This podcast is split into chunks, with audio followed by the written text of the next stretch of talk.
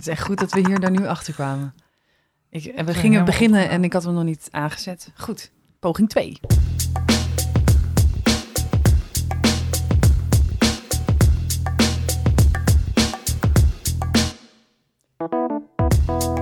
Welkom bij aflevering 13 van Tussen 30 en Doodgaan. Dit zijn de levensvragen. Dat betekent dat het donderdagochtend is.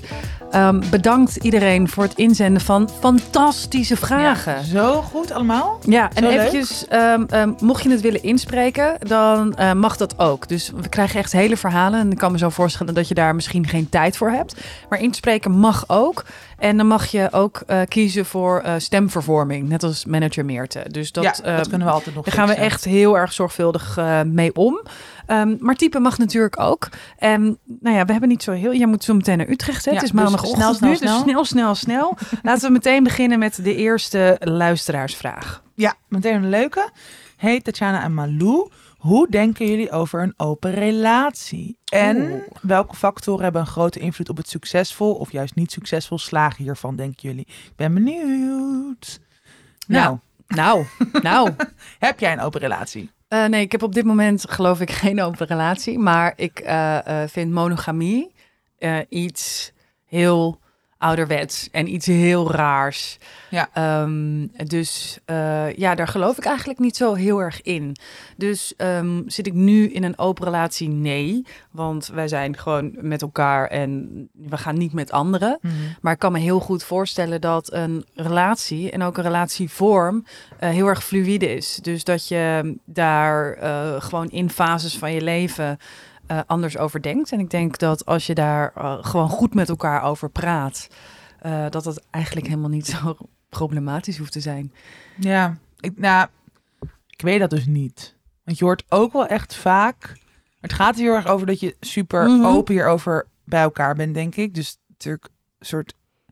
Ja, ik denk niet echt open, maar gewoon hele goede afspraken Nou, dat maakt, bedoel waar ik iedereen dus. achter staat. Ja. Precies. Dus kijk, voor sommige mensen werkt het wel om alles met elkaar te bespreken. Mhm. Die vinden dat ook best wel soort hot of zo. Dus dat helpt. Oh ja, dat, ja. dat, ik, ik ken mensen met open relatie. Dus soort van elke date of elk soort van seksueel contact juist in geuren en kleuren met elkaar delen. En daar, dat vinden ze ook weer een meerwaarde voor hun Mhm. eigen relatie en seksleven. Dus dat kan.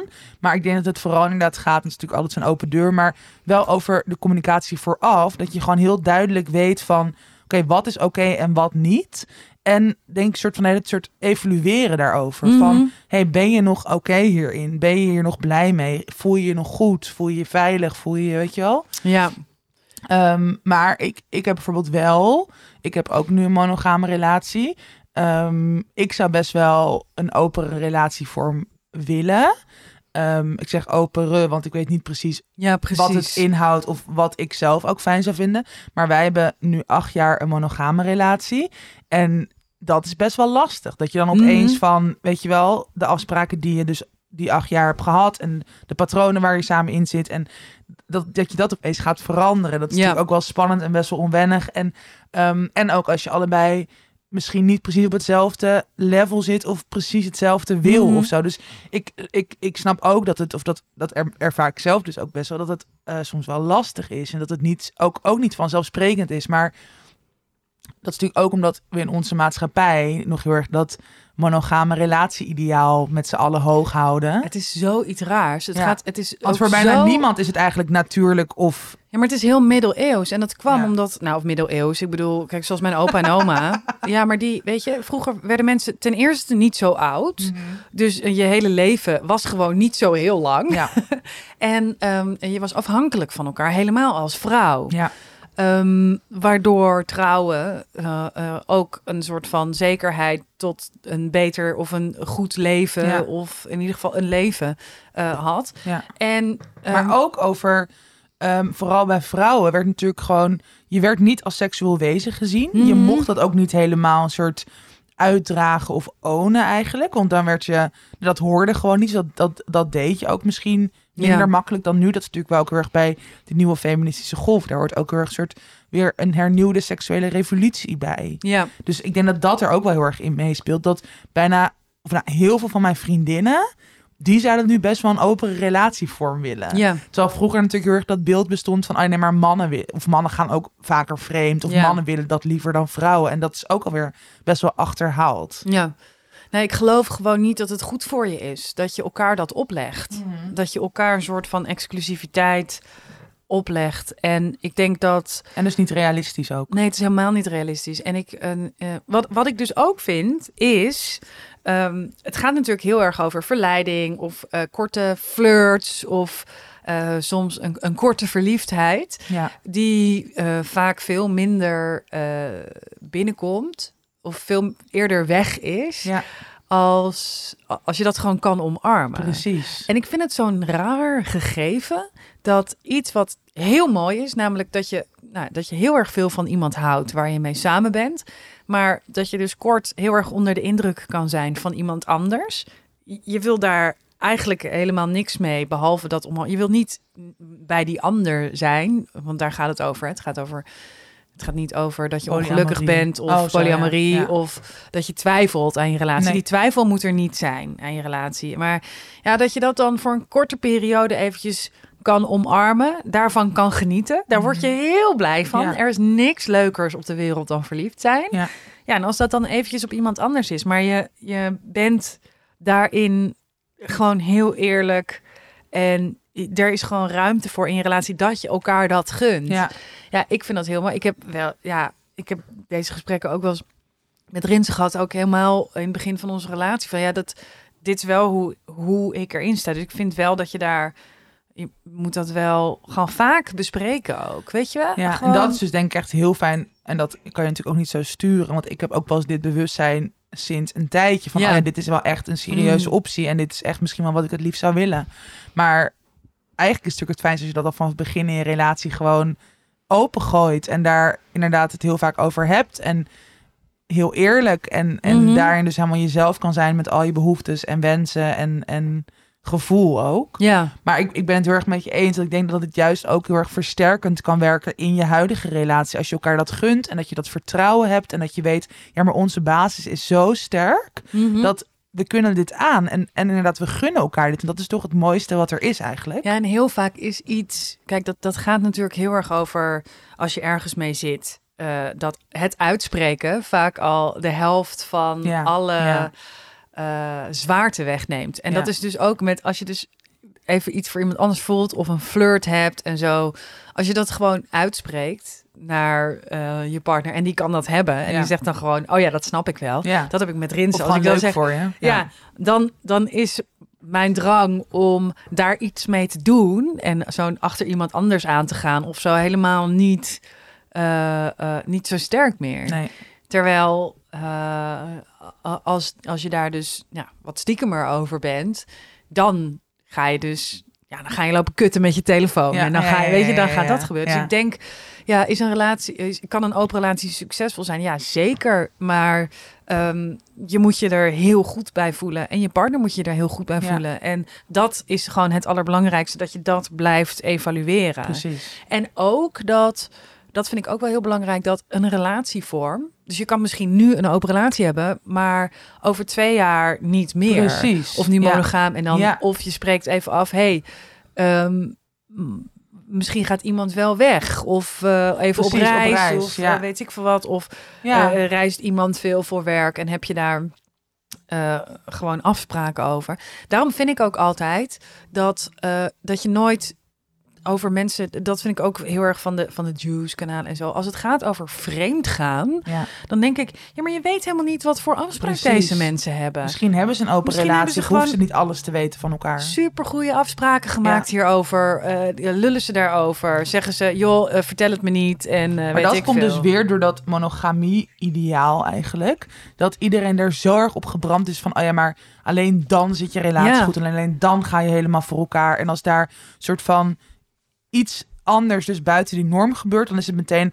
oh, maar dit is echt een vieze vreemdganger... of die kan je niet vertrouwen... of dit is sowieso Ja. slecht. Inderdaad je weet niet wat de afspraak is... Ja. of hoe, ja... En ook, je moet niet verwachten dat één relatie, dus jouw liefdesrelatie, dat die alles voor Ja, jou vervult. precies, dat, dat is ook het, iets heel ja. erg, het is gewoon een heel eh, onrealistisch beeld. Het is gewoon niet waar dat je alles in één partner vindt. Nee, en dat vind ik gewoon dus... je beperkt jezelf daar ook... en dus ook de ander heel erg in... als je dat van elkaar verwacht. Want het is gewoon niet helemaal eerlijk. Mhm. En het is ook inderdaad niet realistisch. Dus je gaat hoe, dat geloof ik echt, je gaat hoe dan ook op een gegeven moment in je leven daar gewoon niet, dat gaat niet helemaal meer eh, de voldoening brengen die je eigenlijk zou willen. En dat is toch heel erg zonde. Ja. Want je wilt toch juist gewoon in alles in het leven, en ook in de liefde en in seks, dat wel blijven voelen. En als dat dan soms kan helpen dat je even na een flirt of een, een, weet je wel, een, een, een paar keer seks met iemand anders hebt en je daardoor even helemaal levendig voelt en, ehm, en jezelf eigenlijk, Mhm. dan is dat volgens mij zoveel waard. Ja, denk ik ook. En ik denk ook dat het helemaal niks te maken heeft met eh, eh, je partner.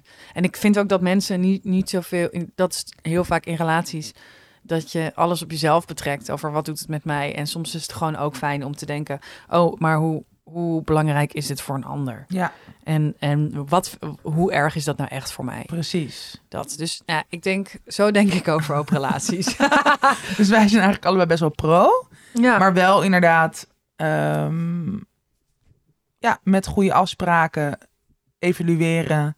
En het kan ook niet werken, maar dat, dat Precies. weet je alleen maar als je het ook probeert, denk ik, als je die behoefte hebt. ja. Dus, Dus, denk ik ehm, wel. ja. Oké, Let's go. dat denken we.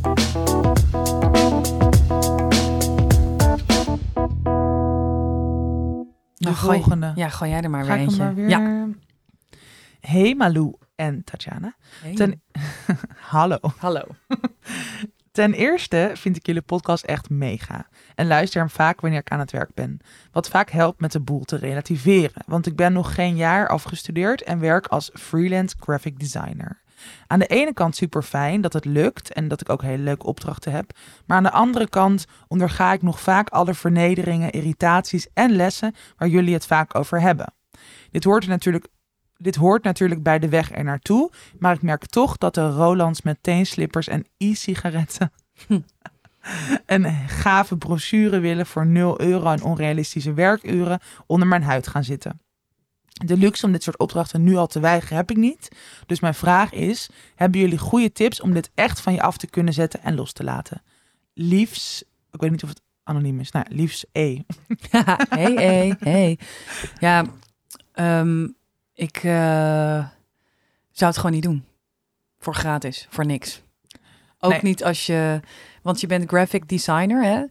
Eh, ga, in plaats van dat je gratis voor een opdrachtgever werkt, maak iets moois eh, voor je eigen per- portfolio. Precies. Ja, En tief op met je, met je, we hebben geen budget. En, ja, en ook gewoon zeggen, eh, ik heb het heel druk met opdrachtgevers, met betaalde opdrachtgevers. Ja. Dus ja, kijk maar eventjes of je iets aan je budget kan doen. Ja. Want dan kan ik kijken of ik ruimte voor je kan maken. Gewoon bluffen. ja. Je moet echt bluffen. Ja, en ze zegt natuurlijk wel zelf, ik heb ehm, die luxe nog niet. Dus ik, ik maak daar een beetje uit op dat ze inderdaad misschien gewoon nog niet genoeg geld verdient. Of weet je wel, een beetje lastig rondkomt misschien. Dus ik snap wel dat je dan toch denkt, oh ja, maar als ik het nu een keer gratis doe, dan de volgende keer krijg ik misschien wel betaald. Maar ik ben het wel heel erg met jou eens dat, kijk, ze proberen dat heel vaak. Ik weet het ook wel. Ik krijg ook heel vaak nog steeds de vraag van, hey, kan je hier een post over maken? Of kan je hier even komen opdraven? Of dan bijvoorbeeld voor 100 euro. Mhm. En eerst was ik ook altijd geneigd om te zeggen, nou oké, doe ik wel. En het helpt alleen maar, weet je wel, want dan gaat mijn naam daar een soort van rollen. Maar dat gebeurt niet per se. Je kan Nee. beter investeren, je tijd investeren in opdrachtgevers waar je wel achteraan staat. Of inderdaad het bouwen aan je portfolio vanuit jezelf. Of vanuit bijvoorbeeld ehm, dat je zelf, weet ik veel, mensen aanschrijft of kennissen van hey, ehm, hebben jullie iemand nodig? Of ik zou dit voor je willen maken, wel voor een vriendprijs. Dat je gewoon echt dingen doet Ja. waar je helemaal achter staat, waar je blij van wordt. Ja. Ik denk dat dat een veel betere investering is en dat je daar ook gewoon blijer van wordt dan Ja, dit soort shit doen. En je verziekt de markt. Je Ja, verziekt de markt als jij het voor niks gaat doen.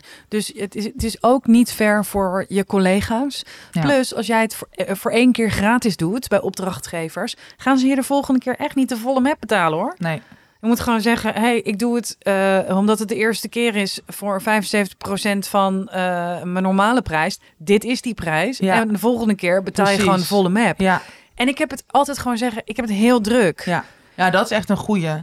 Dat je gewoon, eh ja, gewoon dat bluffen. Ja, En ik dacht ook nog wel ehm, dat, dat, want ik ken het ook wel uit de journalistiek, dat inderdaad, er zijn ook vaak echt fucking lage prijzen en dat je echt denkt, ga ik dit doen of niet? Het erover hebben met vakgenoten. ja. Dus met mensen waar je mee hebt gestudeerd of die je anderszins kent uit een beetje dezelfde industrie. Van oké, hoe gaan jullie hiermee om en hoe hebben jullie dit opgebouwd? En gewoon zorgen dat je je ook niet helemaal alleen erin voelt of Ja. zo. Dat is ook denk ik heel fijn. En inderdaad, je hebt natuurlijk wel een soort aanloopperiode dat, nodig. Dat heeft iedereen. Je komt niet meteen op Mhm. het punt waar je wil zijn. Maar ik denk dat het wel erg helpt om voor jezelf alvast ja, een beetje te visualiseren van oké, wat zou ik heel graag willen en hoe kan ik daar komen en wat heb ik daarvoor nodig? Wie heb ik daarvoor nodig? Ja, En dan toch een beetje zo aan de slag gaan Zeker. proberen. ja, absoluut. En als je echt aan je portfolio eh, wil werken, omdat er niks in staat wat eh, met grote merken, eh, klop dan zelf aan bij bijvoorbeeld een goed doel en zegt: hey, zal ik eens iets voor jullie maken? En dan, Precies. weet je wel, dan maak je het zelf. Dan doe je iets goeds. En dan heb jij, kan jij bijvoorbeeld Amnesty International erachter achter zetten. En Ja. dat is dan prima. Ja. Zoiets. Maar dan vind je dus, dus als je zelf ehm, je netwerk wil verbreden, dan moet je, vind je gewoon zelf iemand bij wie je dat wil doen, Ja. maar niet andersom. Maar dan voel je ook veel meer dat je de regie erover hebt. Ik denk dat dat ook al heel erg scheelt. In plaats van dat je een soort van slaaf bent van al die e-sigarettenmerken waar je gewoon niks mee wil. Nee, precies. En als, als er hier opdrachtgevers eh, luisteren die wel eens eh, mensen de vraag stellen, stop hiermee. Het is echt gênant. Echt gênant.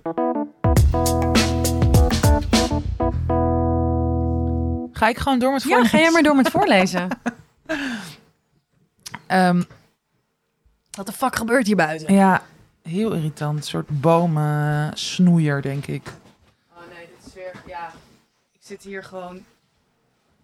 Nou, lees mijn columns, Het is niet anders. We zitten hier driehoog achter. Ja, voor 1204 euro per maand in de continue verbouwingsserie. We Anyway. kunnen er niks aan doen. Nee. Dit is ook het leven. Ehm, allereerst, ik vind jullie en jullie podcast geweldig. Ik ben zo blij dat jullie nu twee keer per week te horen zijn. Duurt de week iets minder lang. Nou, heel leuk. Heel lief. Mhm. Ehm, ik heb een vraag en ik hoop dat jullie hierbij kunnen helpen. Ik merk dat ik de laatste... Wow, wacht even. Wacht. Malou gaat nu heel boos uit het raam schreeuwen. Dit is denk ik een soort... Wow. dat heeft ze echt gedaan. Was dit een schoonmaakwagentje of zijn dit echt de verbouwers? Dus je moet bijna huilen nu. Het is de hel. Oké, Oké, nou, even ja, opnieuw. het- Anyway. anyway, ehm, leuke complimenten, dankjewel. Ehm ik heb een vraag en ik hoop dat jullie hierbij kunnen helpen.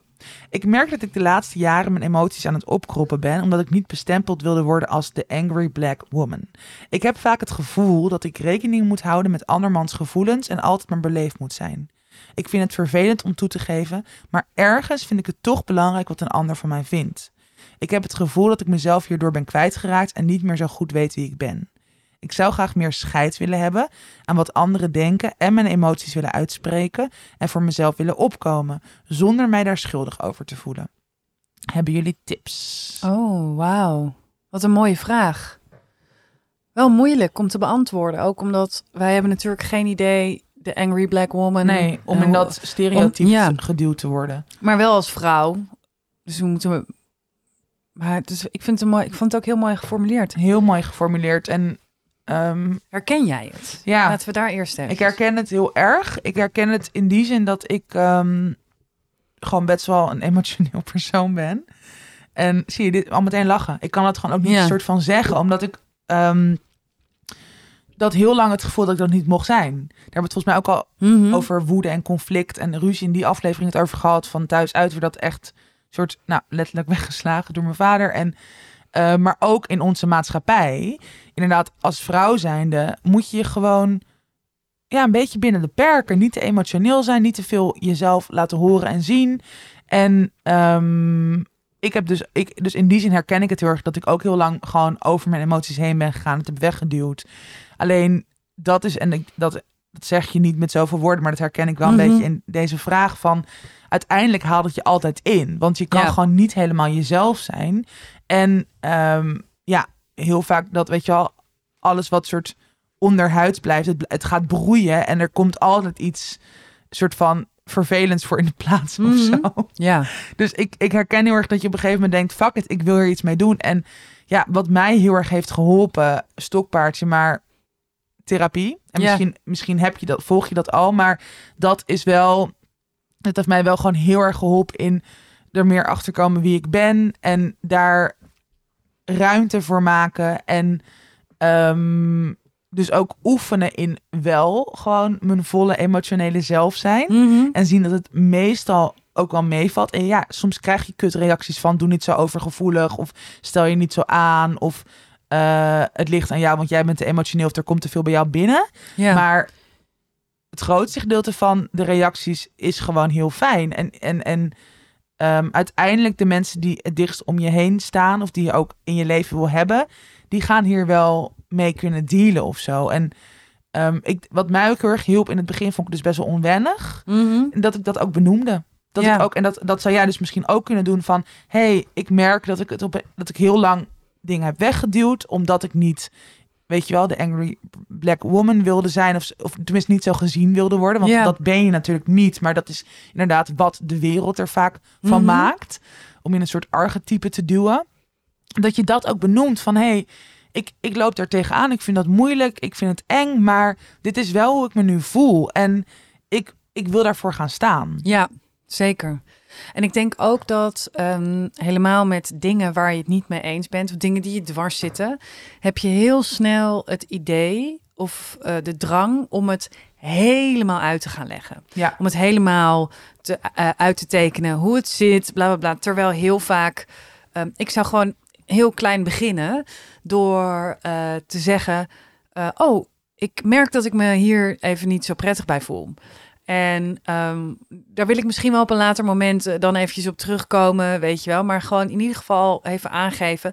En vaak helpt het om in plaats van jezelf dan te gaan verantwoorden, Mhm. waarom niet? Omdat dat is natuurlijk heel erg lastig. Ja. Kan je ook zeggen, hé, hey, ik, nou, ik merk dat, dat ik me hier een beetje vreemd bij ga voelen. Dit voelt niet fijn. Ja. Ehm, kan je uitleggen wat je bedoelt? Ja. En dan het weer gewoon Weer, iemand anders ja, laten uitleggen, maar wel met de kennis van dit is. Dus Nou, en dus van daardoor neem je jezelf ook gewoon wel heel erg serieus. Ja. Dat, want daar gaat het denk ik ook heel erg om. Dat je niet soort van jezelf wil verloochenen. Omdat je eigenlijk wel voelt van... Dit, dit, dit zit helemaal niet goed. Of dit, dit ben ik niet. Of Ja. dit, voelt, dit voelt helemaal niet juist of zo. En door inderdaad ook die vraag dan weer terug te stellen... Of ja, door het ook op die manier open te breken... ja, ehm, helpt dat soms ook wel heel erg. Ja, vragen stellen kan, kan eh, een hele goede manier zijn om eigenlijk te zeggen: hé, hey, ik, ik vind het niet fijn. Precies. Maar ik vind het niet fijn zeggen is. Dat is dus ook heel vaak. Dat kan je dus ook doen. Alleen maar zeggen: ik vind het niet zo fijn. En laat het dan maar bij iemand anders. Ehm, en ja, over eh, wat betreft het scheid hebben. ehm, dat heeft natuurlijk ook heel erg te maken met jezelf ehm, continu vergelijken met andere mensen. Met hoe andere Ja, mensen het Zeker. doen. Ehm, en jezelf dan goed genoeg voelen, ja of nee. Mhm. Ehm, dus eh, ik zou er in ieder geval voor zorgen dat als je vergelijkt, zoals als je, als je mensen vergelijkt, dit heb ik van Sabine Klaver, eh, de psycholoog, die had ik laatst even geïnterviewd voor een stuk wat ik aan het schrijven was. En die zei ehm, dat vergelijken met mensen, dus jij vergelijkt je met mensen die, die dan wel heel veel scheid hebben ergens aan. Mhm. Jij hebt dat niet.